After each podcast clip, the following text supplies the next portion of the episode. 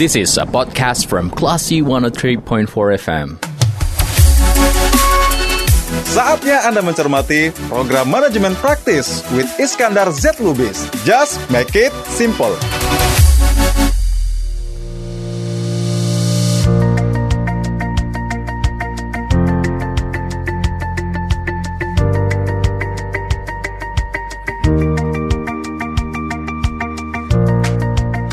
Dari Bumi Karang Putih Darung Padang, 103.4 Kelas FM, this is the actual radio. Assalamualaikum, apa kabar Kelas People? Semoga selalu dalam keadaan yang terbaik dan jangan lupa selalu patuhi protokol kesehatan agar kita selalu sehat dan pandemi bisa segera berakhir. Saya Lia Priyanka, Anda sedang mencermati program Manajemen Praktis with Iskandar Z. Lubis. Just make it simple. Nggak sendirian dong pastinya saya ya. Sudah hadir narasumber kita dan sudah hadir host kece lainnya yang menemani saya ngobrol sama Pak Iskandar. Apa kabar, Yuri Adeline? Kabar baik, Lia Priyanka. Wah, hari ini pastinya jadi hari yang spesial karena ini uh, pertama ya. Yep. Manajemen praktis with uh, Iskandar Z Lubis dan pastinya pembahasan kita akan sangat-sangat menarik ya. Oke, jadi manajemen praktis ini nanti kita akan bahas uh, seputar dunia manajemen dan kita akan ngobrol bersama praktisi manajemen ya yang sudah malang melintang di banyak perusahaan dan banyak lembaga. Kita langsung ke, langsung uh, sapa saja beliau. Apa kabar Pak Iskandar? Alhamdulillah kabar baik. Segar Pak? Iya, beginilah.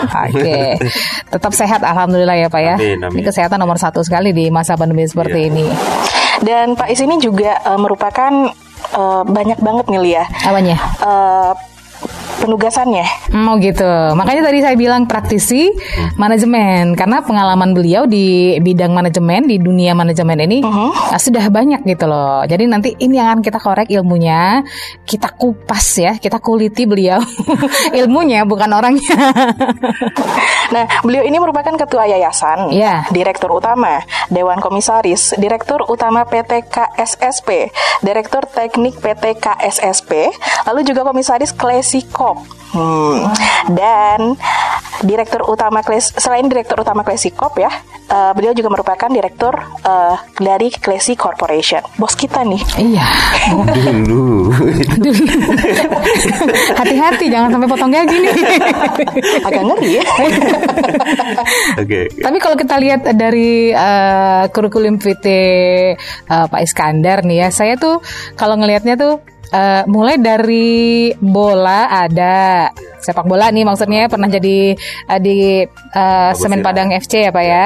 Berhaji. Di rumah sakit juga pernah masih menjabat sekarang. Terus juga ada di dana pensiun pernah Pak?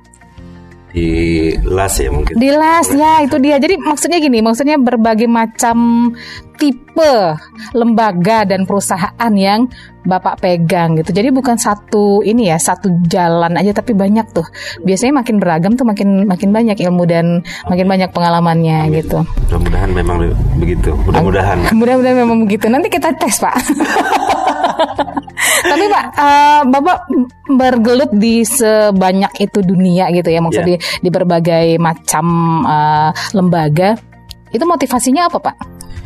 Eh, saya nggak tahu saya maruk juga kali ya. Jadi ada dua hal sih. Pertama mungkin haus belajar. Ah, Oke, ha. Ya, lalu kedua saya eh, termasuk orang yang susah nolak kayak gitu. Hmm. Jadi Sering sekali kalau ada organisasi akhirnya kamu aja ya.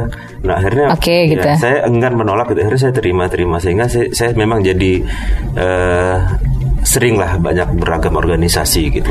Jadi mulai kapan nih Bapak mulai terjun ke dunia organisasi ini sebenarnya?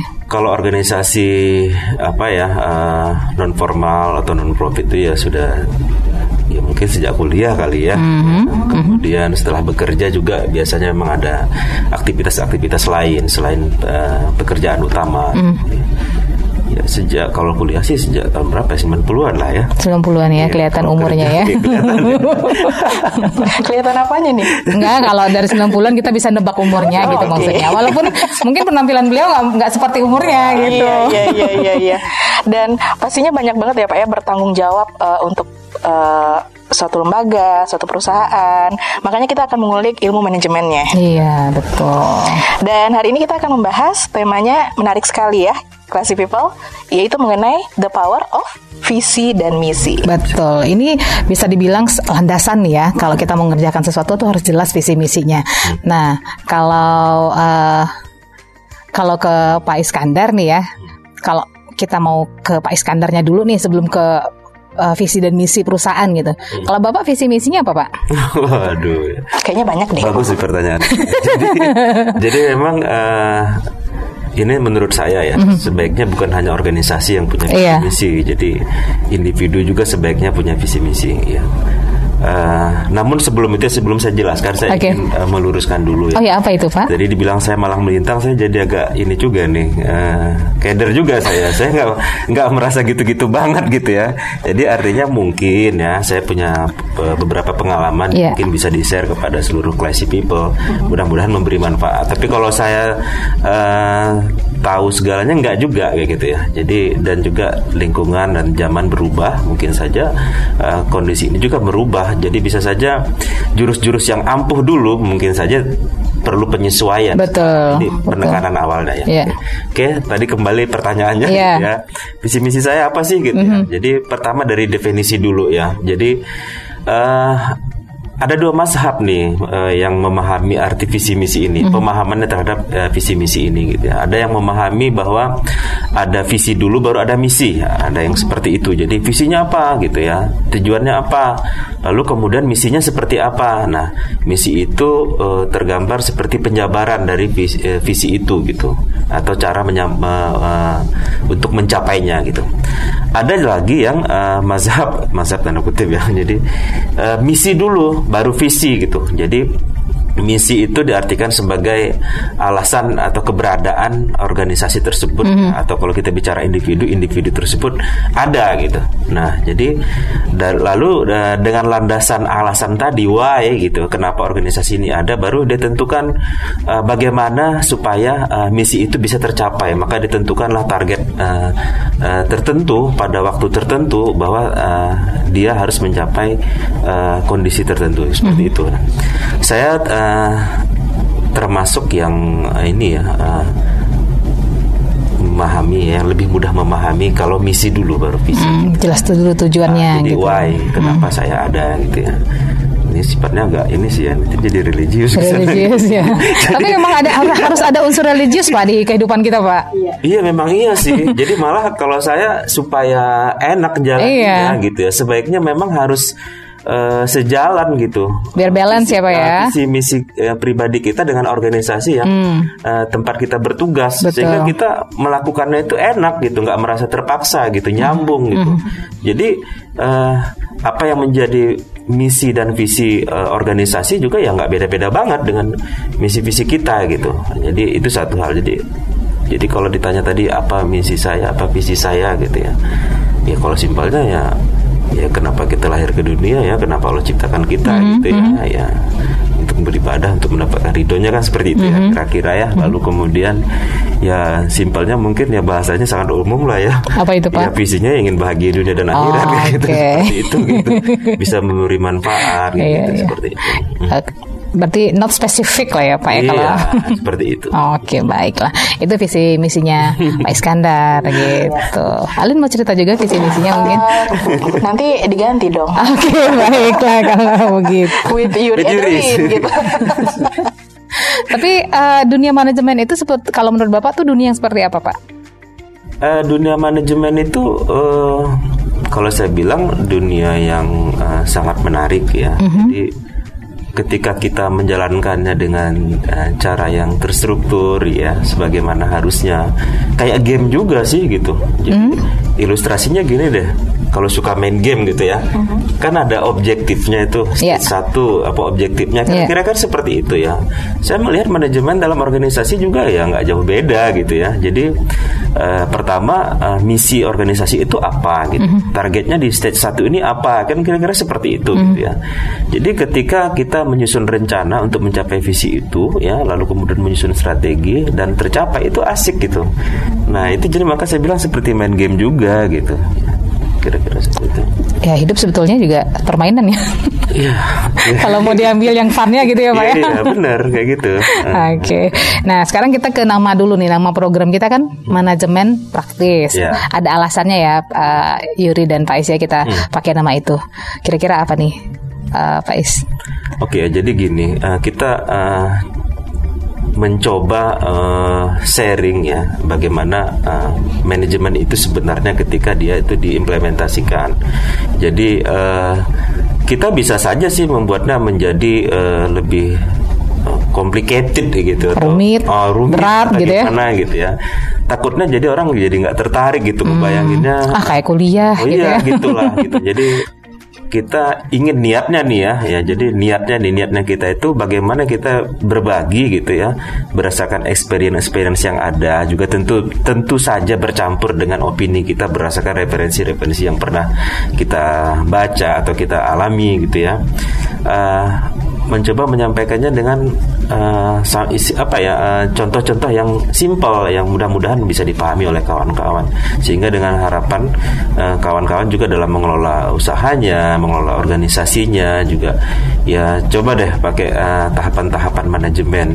Eh, tentu saja manajemen praktis. Eh, mudah-mudahan eh, bisa memberi nilai tambah atau menjadi booster gitu agar organisasinya bisa lebih maju eh, lebih baik gitu lebih cepat gitu. Berarti tujuan dari program manajemen praktis ini bukan hanya untuk perusahaan besar saja ya Pak ya.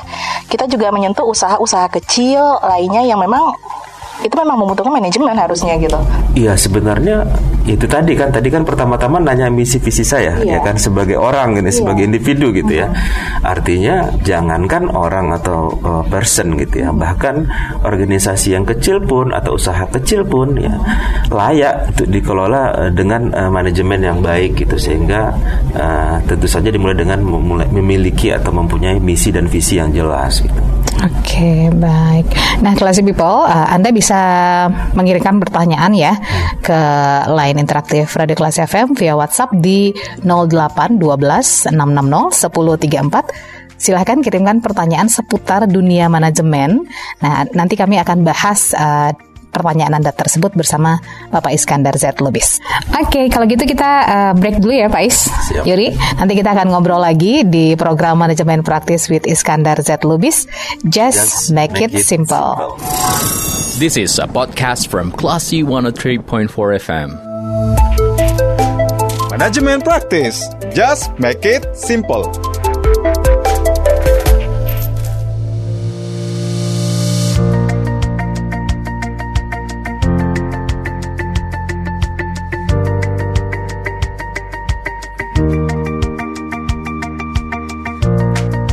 One 3.4 Kelas FM, this is the actual radio. Baik, Classy People, kita balik lagi di program Manajemen Praktis with Iskandar Z Lubis.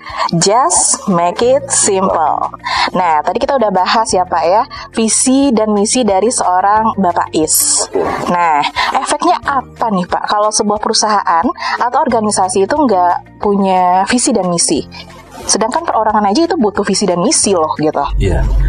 Jadi bayangkan ya eh, sebuah organisasi yang terdiri dari banyak individu ya, jika eh, tidak punya tujuan yang sama ya, ya kebayang ya jika sebuah organisasi terdiri banyak individu tidak punya tujuan yang sama, bagaimana bergeraknya or- eh, organisasi tersebut? Mungkin ilustrasi yang mungkin bisa membantu ya, mungkin kawan-kawan pernah lihat mungkin perahu naga ya. Nah, perahu naga itu kan ada terdiri dari beberapa orang yang mengayuh Yep. nah, perahunya, lalu kemudian ada yang memberi kode apa ya? Semacam Kode- leadernya ya Pak ya. Apa ya yang Eh, mukul Yap, gitu, gitu di- ya. dia berdiri sendiri biasanya tuh, yang Ya, lain ya. duduk kan gitu, Nah, ya. Si penabuhnya ini. semua eh, ya semua pengayuh itu akan eh, berusaha serentak gitu, Mhm. serentak mungkin. Dan itu yang membedakan perahu itu cepat atau tidak. Mhm. Bayangkan kalau seandainya ya, di antara katakanlah 10 pengayuh misalkan gitu ya.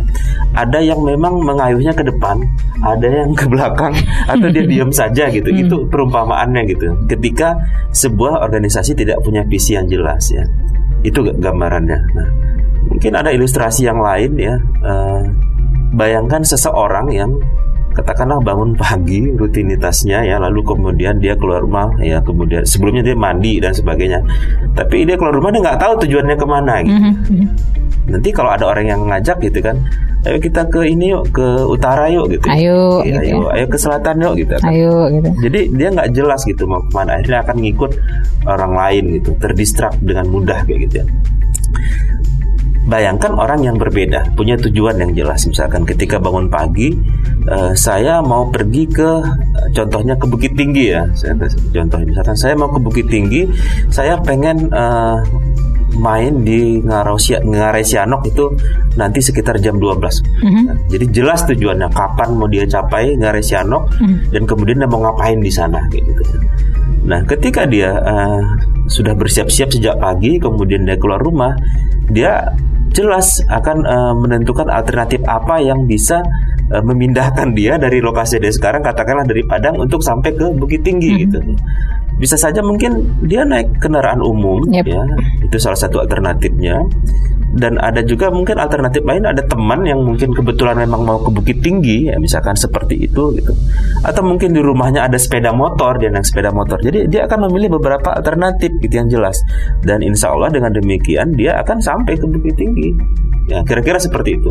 Sementara orang yang tidak punya tujuan yang tadi nggak tahu mau ke mana gitu ya, ya ya sebenarnya dia itu dalam hati sebenarnya mungkin ya pengennya menuju ke tempat wisata yang ada ngarainya gitu. Mungkin dalam hati dia seperti itu dia tidak tidak definisikan dengan jelas gitu ya misalkan kayak gitu. Nah, ketika ada orang yang mengajak dia "Yuk main yuk ke pantai Padang ya dia ke pantai Padang. Jadi ya nggak seperti yang diharapkan sebenarnya dia mungkin nggak suka sebenarnya di pantai gitu misalkan seperti itu. Jadi intinya tujuannya nggak kecapai ya Pak ya? Ya tujuannya nggak tercapai gitu karena dia nggak jelas mendefinisikannya. Nah, sebuah organisasi eh, perlu punya tujuan yang sama dan memang ketika visi itu ditentukan itu harus disosialisasikan kepada seluruh anggota organisasi Ya. dari jabatan yang paling tinggi sampai jabatan yang paling rendah atau jika ada karyawan baru karyawan yang baru tersebut harus tahu gitu apa visi dari organisasi tersebut gitu nah itu itulah bedanya gitu jadi eh, misalkan ya kayak seperti klasi FM misalkan ya misalkan ingin menjadi media terbaik di Padang misalkan tahun berapa gitu. Jelas kan tahun 2024 nah se- seluruh anggota organisasi akan eh, berusaha ya memaksimalkan potensinya yang ada sehingga tujuan itu tercapai di tahun tersebut gitu. Bayangkan kalau ternyata dari setiap anggota organisasi itu dia nggak ngerti tujuan organisasi itu. Dia jadi ngerasa ya cuma ini bagian pelengkap penderita aja di sebuah organisasi tersebut. Jadi kalau ibarat perahu naga tadi mungkin dia nggak ikut ngayuh kali kayak jangan-jangan gitu atau malah mungkin ngayuh sebaliknya kayak gitu. Ya nggak nyampe-nyampe lah perahunya atau muter-muter. Iya gitu. iya.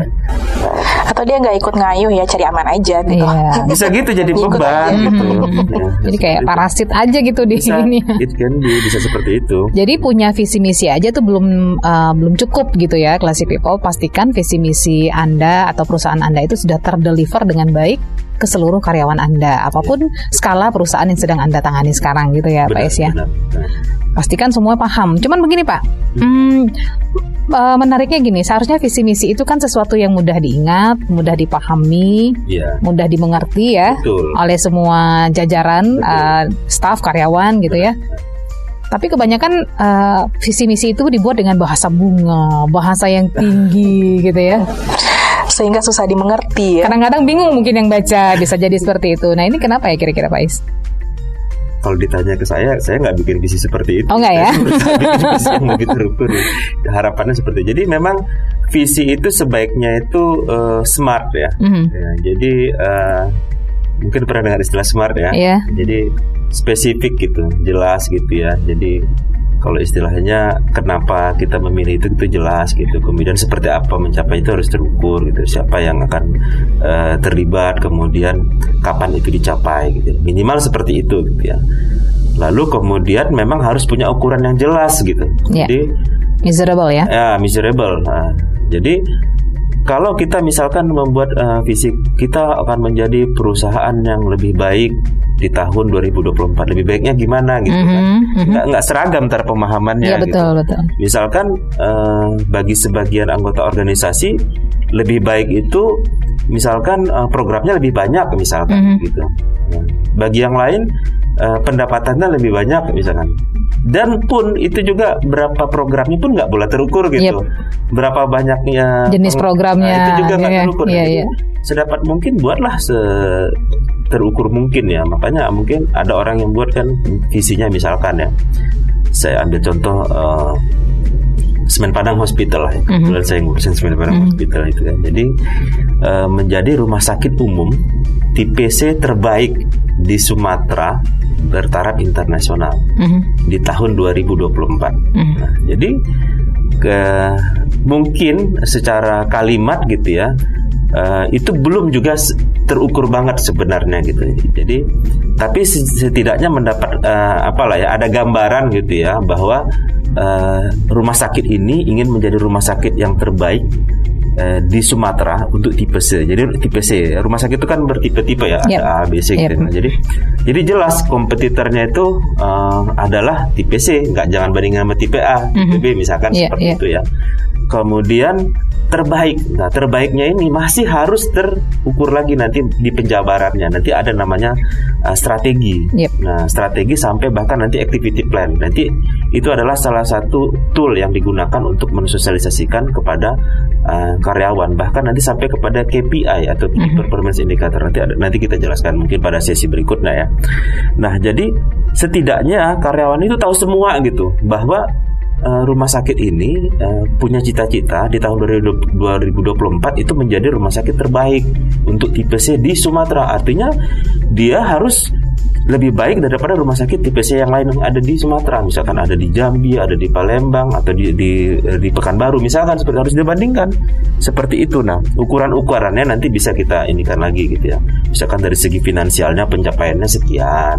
Misalkan kayak gitu ya. Dari segi perspektif pelanggannya zero komplainnya itu maksimum Yep. hanya sekian misalkan kayak gitu.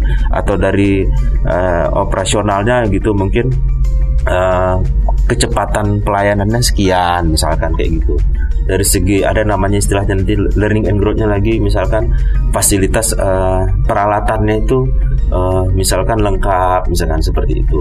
SDM SDM-nya tersertifikasi seperti itu atau punya standar-standar tertentu.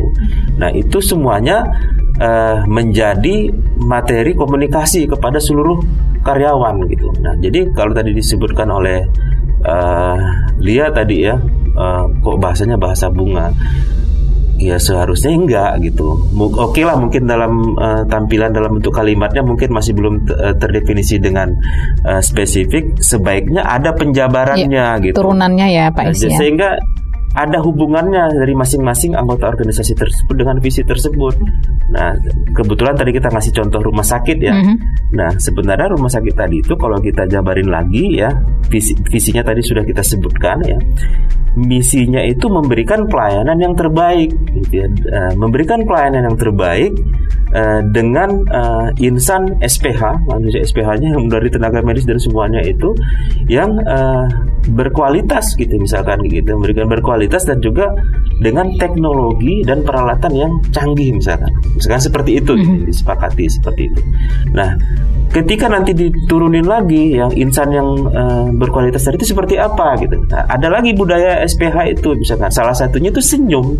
Hmm. Jadi salah satunya senyum gitu. Sehingga ketika dia tersenyum kepada customer ya, kepada pasien ya, dia tahu bahwa dia dalam rangka menuju visi SPH tadi. Jadi dia ngeling kayak gitu. Jadi kalau dia misalkan nggak eh, senyum, ibaratkan orang naik perahu tadi, dia mungkin termasuk yang nggak mengayuh gitu. Nah, jadi kira-kira gitulah gambarannya. Jadi senyumnya, kemudian ramahnya itu bagian dalam dalam rangka mencapai visi tadi.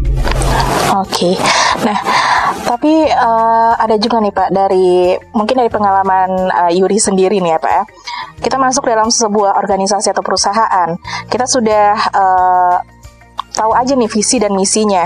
Kira-kira visi dan misi itu kalau tidak tercapai, apakah boleh di eh, upgrade lagi atau kadang-kadang nih kita udah masuk perusahaan atau organisasi, kita cuma melanjutkan visi dan misi itu. Padahal visi dan misi itu secara personal itu nggak sesuai dengan kita. Nah, itu bagaimana? Ah, Oke, jadi saya jawab yang uh, pertama dulu ya. Apakah uh, boleh kita rubah ya? Jadi ini salah satu uh, saya mungkin kesimpulan saya ya setelah sekian lama berorganisasi gitu ya. Jadi jangan nunggu sempurna, nggak ada kesempurnaan itu. Dalam, Mulai aja dulu ya, ya. Just do it. Jadi segala sesuatu itu harus ada space untuk diimprove. Jadi kalau orang Jepang bilang itu istilahnya kaizen, mm. continual improvement. Mm. Jadi uh, kita bisa saja dan sangat mungkin visi itu direvisi. Ya. Jadi uh, visi yang kita definisikan saat ini, ya itu sesuai dengan asumsi-asumsi yang kita pakai baik internal dari organisasi kita sendiri ataupun kondisi eksternal. Kondisi eksternal ini banyak ya, ya berdasarkan uh, perkiraan kita uh, dari uh, katakanlah dari uh, aspek politik misalkan, ekonomi, sosial, teknologi, aturan atau legal yang berlaku. Nah, nah kita menentukan visi. Ternyata uh, zaman berubah dan itu kita alami sekarang kan. Hanya hitungan tahun banyak sekali perubahan-perubahan yang terjadi sehingga sangat wajar kalau itu dirubah. Lalu kemudian tadi pertanyaan dari uh, Yuri ya, katakanlah kita masuk ke sebuah organisasi gitu ya, ternyata nggak sesuai uh, dengan kita. Nah dari, dari uh, organisasi itu sendiri harusnya ya, ketika dia melakukan rekrutmen ya, itu harus mengacu kepada visi. Iya dong, gitu ya. Jadi uh, visi dari organisasi ini, nah karena tadi kita sudah ngasih contoh uh, semen Padang Hospital, saya, saya jadi promo SPH, jadi oke okay. okay ya. Misalkan ya kita memang butuh orang yang uh, Senyumnya. senyum misalkan. Mm -hmm. Jadi itu salah satu uh, kriteria ketika kita merekrut orang. Jadi tesnya disuruh senyum gitu ya, Pak Is ya? Sangat mungkin. Mm -hmm. Saya tahu ada beberapa organisasi yang melakukan seperti itu, mm -hmm. pelayanan jasa gitu, suruh senyum. Iya. Yeah. Nah, jadi itu contohnya ya. Nah, jadi uh, harusnya ketidaksesuaian uh, katakanlah individu yang direkrut dengan visi organisasi itu bisa direduksi ketika kita merekrut, melakukan rekrutmen ya. Namun saya sampaikan tadi berjalannya waktu sangat mungkin visi itu perlu ditinjau lagi karena zaman juga berubah dan ya, sebagainya betul, gitu. Betul. Nah jadi ya di sanalah ada proses pengembangan juga. Jadi ketika karyawan itu ada di organisasi kita, ketika kita rasakan ada gapnya, katakanlah kita butuh karyawan yang suka senyum dan uh, ramah misalkan. Ternyata ada nih dia dia bisa senyum sih tapi agak susah. Mm-hmm. Nah, mungkin ada coaching atau apalah katakan ya uh, pelatihan atau apa sehingga uh, meyakinkan dia bahwa dia harus senyum gitu. Nah, tapi tentu saja saya pikir uh, komunikasi yang baik gitu ya, insya Allah akan efektif untuk itu. Jadi mungkin saja sebelumnya dia nggak tahu kenapa gua harus senyum gitu kan, yeah. nah, dia nggak tahu gitu bahwa itu sangat relevan dengan pencapaian organisasi.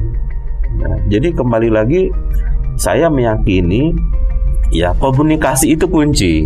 Okay. Jadi ya benar dalam sebuah organisasi sebenarnya uh, bagaimana menerjemahkan bahasa langit menjadi bahasa bumi betul, itu yang betul. paling penting gitu. Jadi ketika visinya mungkin bahasanya bahasa bahasa bunga-bunga bisa nggak sih kalau diterjemahkan oleh atasannya ke bawahannya itu untuk lebih bisa dipahami dan si karyawan ini merasa terlibat gitu. Seberapa sering harus diulang Pak? Apakah harus ditempel mungkin di dinding perusahaan atau dihafalkan sama karyawan atau setiap Senin di apel pagi itu harus disebutin apa bagaimana? Ya, jadi kalau saya bilang itu kan how itu ya, mm -hmm. bagaimana cara kita uh, meng apa ya menginternal internalisasikan yep. ya kalau bahasa Pariamana ya.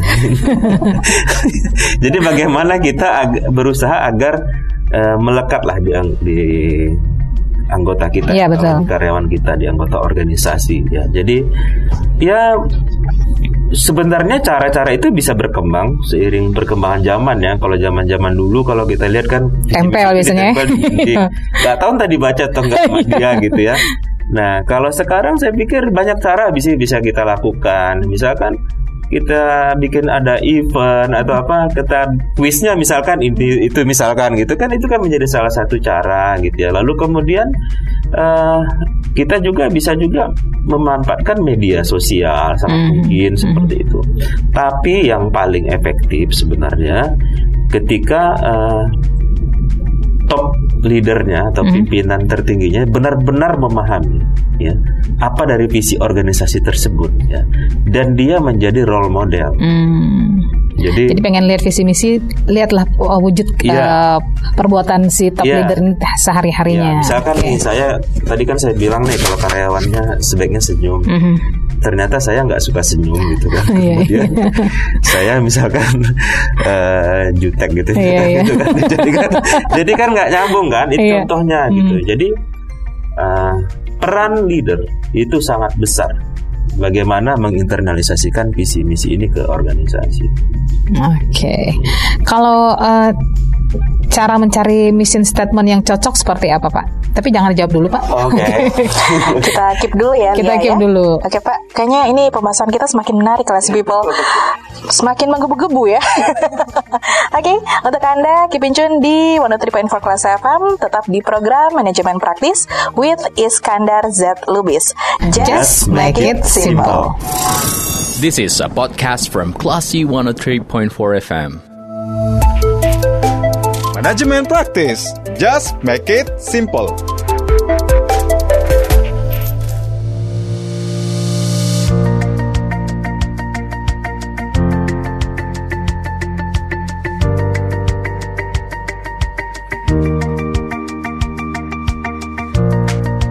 empat kelas FM, this is the actual radio.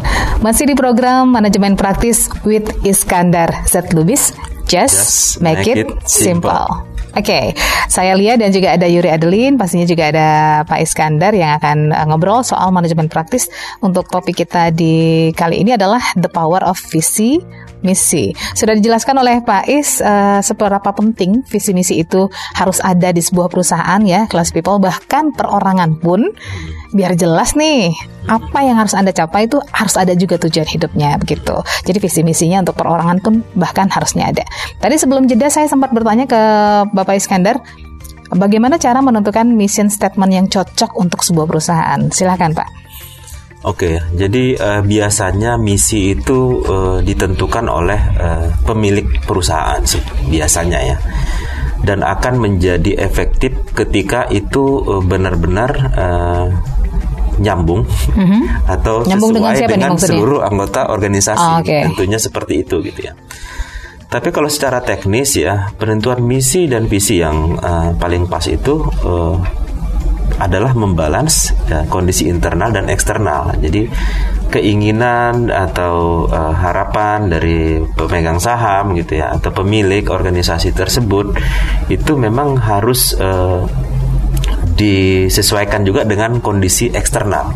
Nah, jadi kondisi eksternal itu eh, secara umum yang tadi sempat saya singgung itu adalah politik misalkan, ekonomi, sosial, teknologi, eh, legal atau aturan-aturan yang berlaku gitu ya. Ya, jadi eh, dicarilah yang optimal gitu. Nah, lalu kemudian agar ini mudah dicapai, satu hal kita ingat kalau organisasinya besar, orangnya banyak, Yap. ya. Berbeda dengan organisasi yang kecil atau katakanlah eh, eksekutornya hanya kita sendiri, gitu ya. Kalau kita sendiri ya kita tentukan eh, apa tujuan kita, lalu kemudian kita hanya mengontrol diri kita. Akan menjadi berbeda ketika dalam sebuah organisasi besar yang mikirnya beda, yang eksekutornya beda, yang memonitornya juga beda. Nah, jadi di sini butuh seni kalau saya bilang bagaimana agar visi yang eh, ditentukan ini adalah juga memang eh, melibatkan seluruh anggota organisasi. Jadi alangkah baiknya ya jika pada saat merumuskan visi misi itu melibatkan seluruh unsur yang ada dalam organisasi tersebut gitu. Ya, jadi setidaknya perwakilannya lah gitu ya, sehingga semuanya merasa terwakili.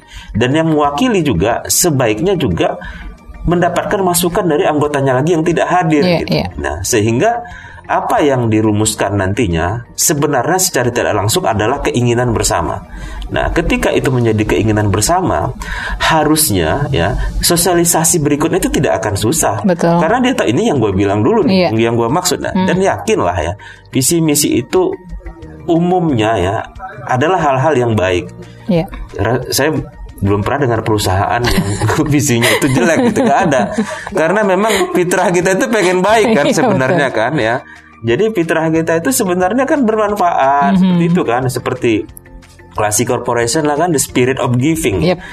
Nah dulu itu disusunnya itu saya yakin itu berdasarkan kesepakatan bersama ternyata kita bahagia itu ketika memberi gitu. Iya. Nah kan seperti itu gitu ya. Nah jadi itu nggak akan ada yang mempertentangkan kayak gitu. Iya, betul. Karena semuanya sejuk ketika melakukan itu gitu. Nah jadi eh, kembali lagi bagi, bagaimana membuat visi atau misi yang baik gitu. Ya itu tadi libatkan seluruh eh, yang terlibat ya. Lalu kemudian pertimbangkan ya kondisi yang tadi yang saya sebutkan tadi gitu. Sehingga realistis juga gitu. Jadi ibaratnya ya misalkan kita biasanya lompat 3 meter. Tiba-tiba kita menentukan visi kita eh, kita melompat menjadi 10 meter kan kurang realistis juga. Jadi kembali kepada tadi visi harusnya smart. Tadi kita belum lanjutkan ya. Tadi spesifik. Yep. eh, me- measurable, Measurable. terukur, kemudian achievable bisa dicapai lah Iya, kayak gitu. iya. Achievable sama realistis hampir mirip-mirip lah gitu ya. Ah, jadi ya kalau biasanya 3 meter kalau punya target 4 mo- meter boleh lah ya. Jadi mungkin dia latihan olahraganya lebih kuat gitu Mhm. ya. Kemudian dia juga mengambil ancang-ancang lebih jauh misalkan.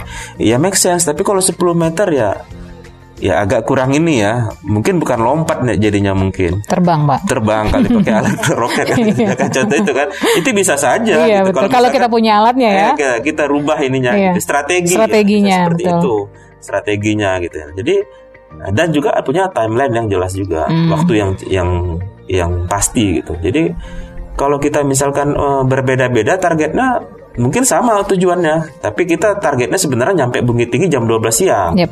tapi bareng-bareng nih semuanya kita semua klasi klasi katakanlah klasier janjian jam 12 ketemu di Bukit Tinggi. Mhm. di mana? Di Ngaresianok kan spesifik tuh.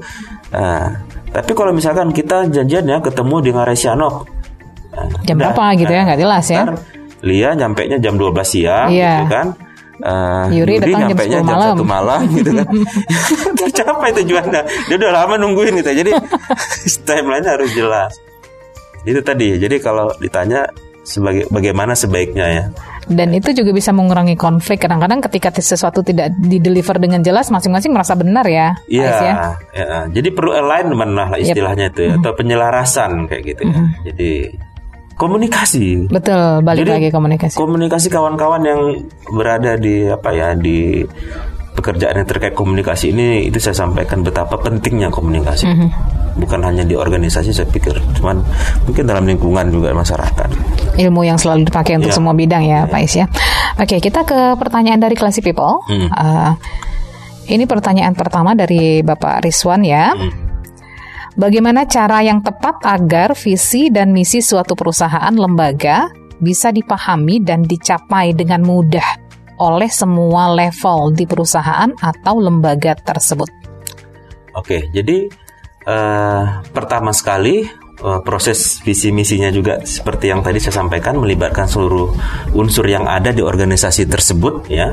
Lalu kemudian tentu saja sosialisasinya bagus ya, komunikasinya bagus gitu ya, leadernya ngasih contoh, kemudian mungkin memotivasi juga, eh, dan juga menginspirasi seperti itu. Nah, satu lagi secara sistemik bisa juga kita lakukan itu. Kita membuat namanya key performance indicator gitu. Misalkan kalau tadi visinya tadi kan menjadi rumah sakit yang terbaik gitu. Nah, Jadi lalu salah satunya itu karyawannya harus mudah senyum misalkan gitu ya.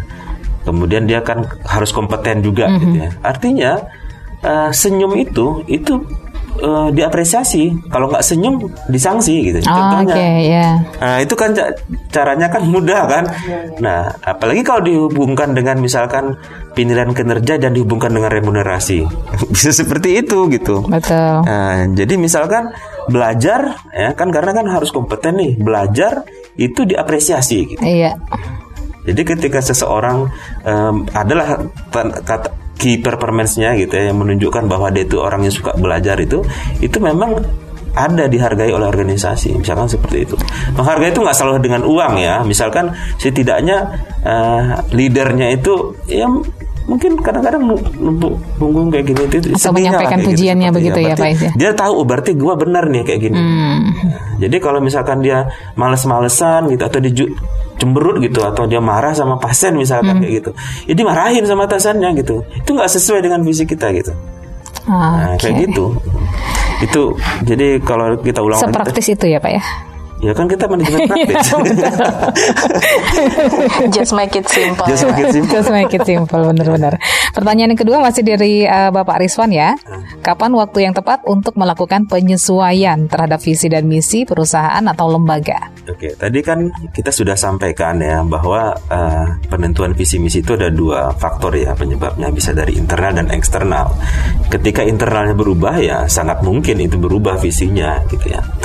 Atau kemudian si internal sendiri menyadari baru menya- mendapat pencerahan mungkin Iya, ya. iya. Bisa saja gitu. Jadi pencerahannya gini deh misalkan.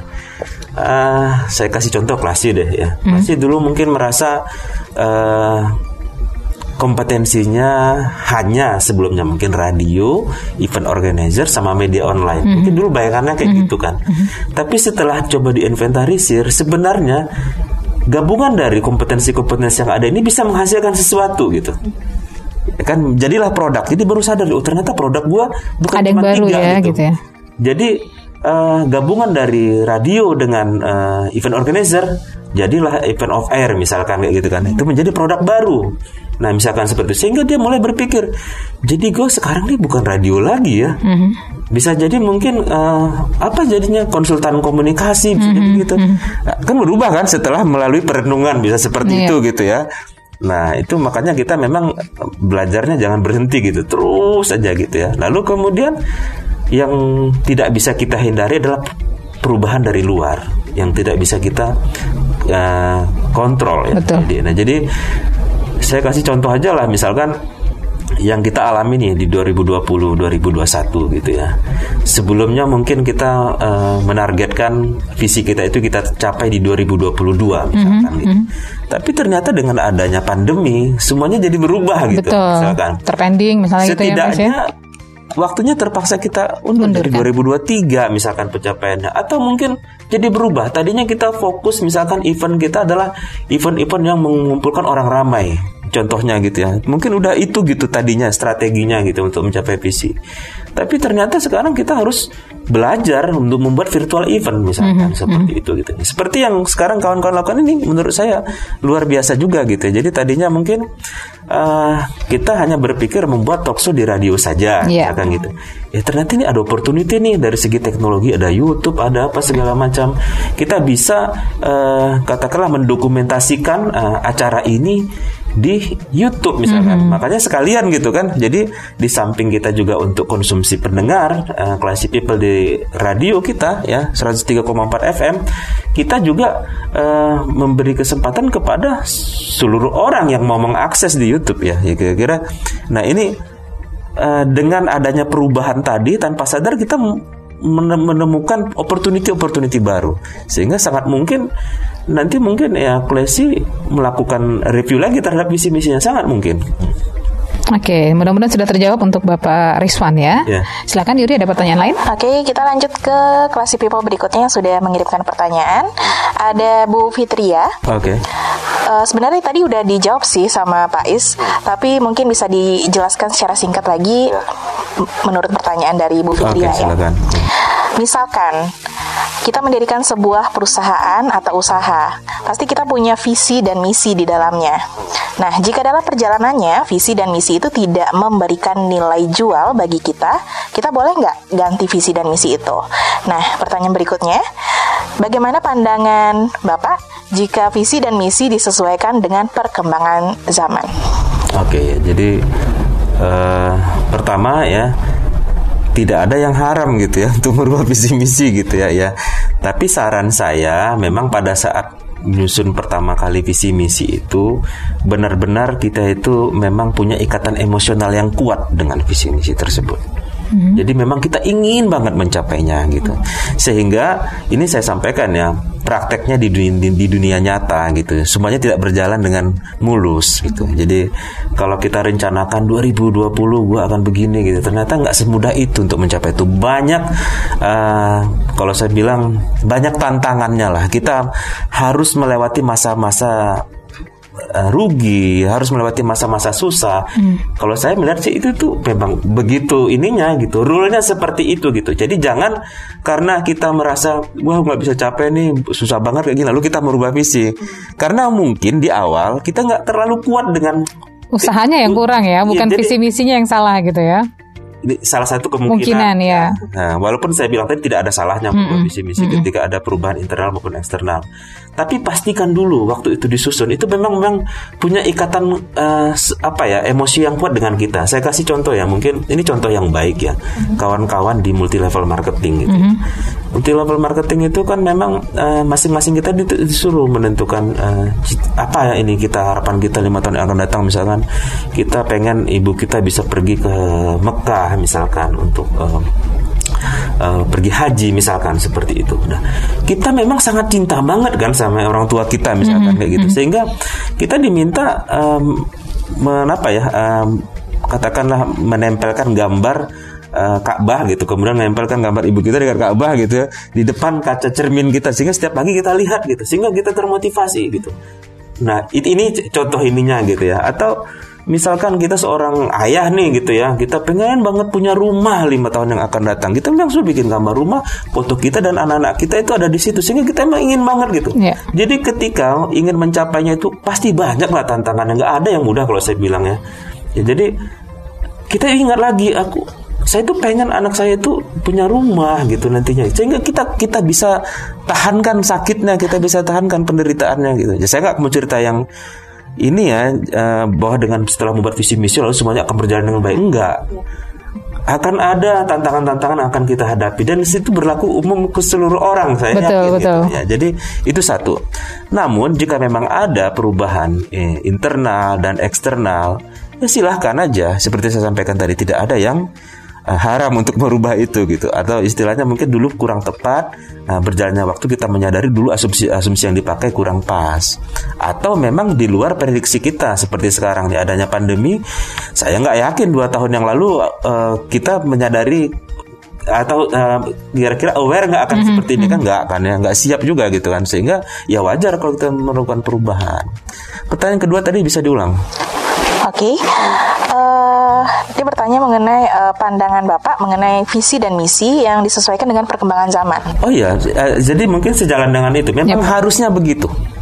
Harusnya begitu. Bahkan ya nanti kalau kita eh, bicara turunan dari visi misi ini nanti akan ada namanya eh, roadmap ya atau rencana jangka panjang. Kalau saya cenderung sekarang kalau membuat rencana jangka panjang itu nggak usah lama-lama. Karena begitu apa ya begitu dinamisnya saat ini perubahan sangat cepat kalau dulu mungkin orang buat rencana Mhm. tahun, jangka 10 panjang tahun sampai ya. lima tahun seperti itu Ke- kalau saya cenderung tiga tahun aja udah bagus kalau Hmm. sekarang menurut saya ya ya karena memang semuanya eh, lebih cepat ya sekarang Ya. perubahan-perubahan itu sangat cepat sekarang sehingga ya wajar dong kalau kita itu hanya mampu juga enggak yang kita nggak bisa mem- memprediksi masa depan secara akurat cuma dengan anugerah yang Allah berikan pemikiran data-data tren dan sebagainya sehingga kita ya mungkin bisa memperkirakan dua tahun yang akan datang tapi kalaupun itu harus kita revisi kita align lagi dalam rencana tahunan ya sangat memang harusnya begitu Jadi nggak usah merasa bersalah, nggak usah ngerasa Ya.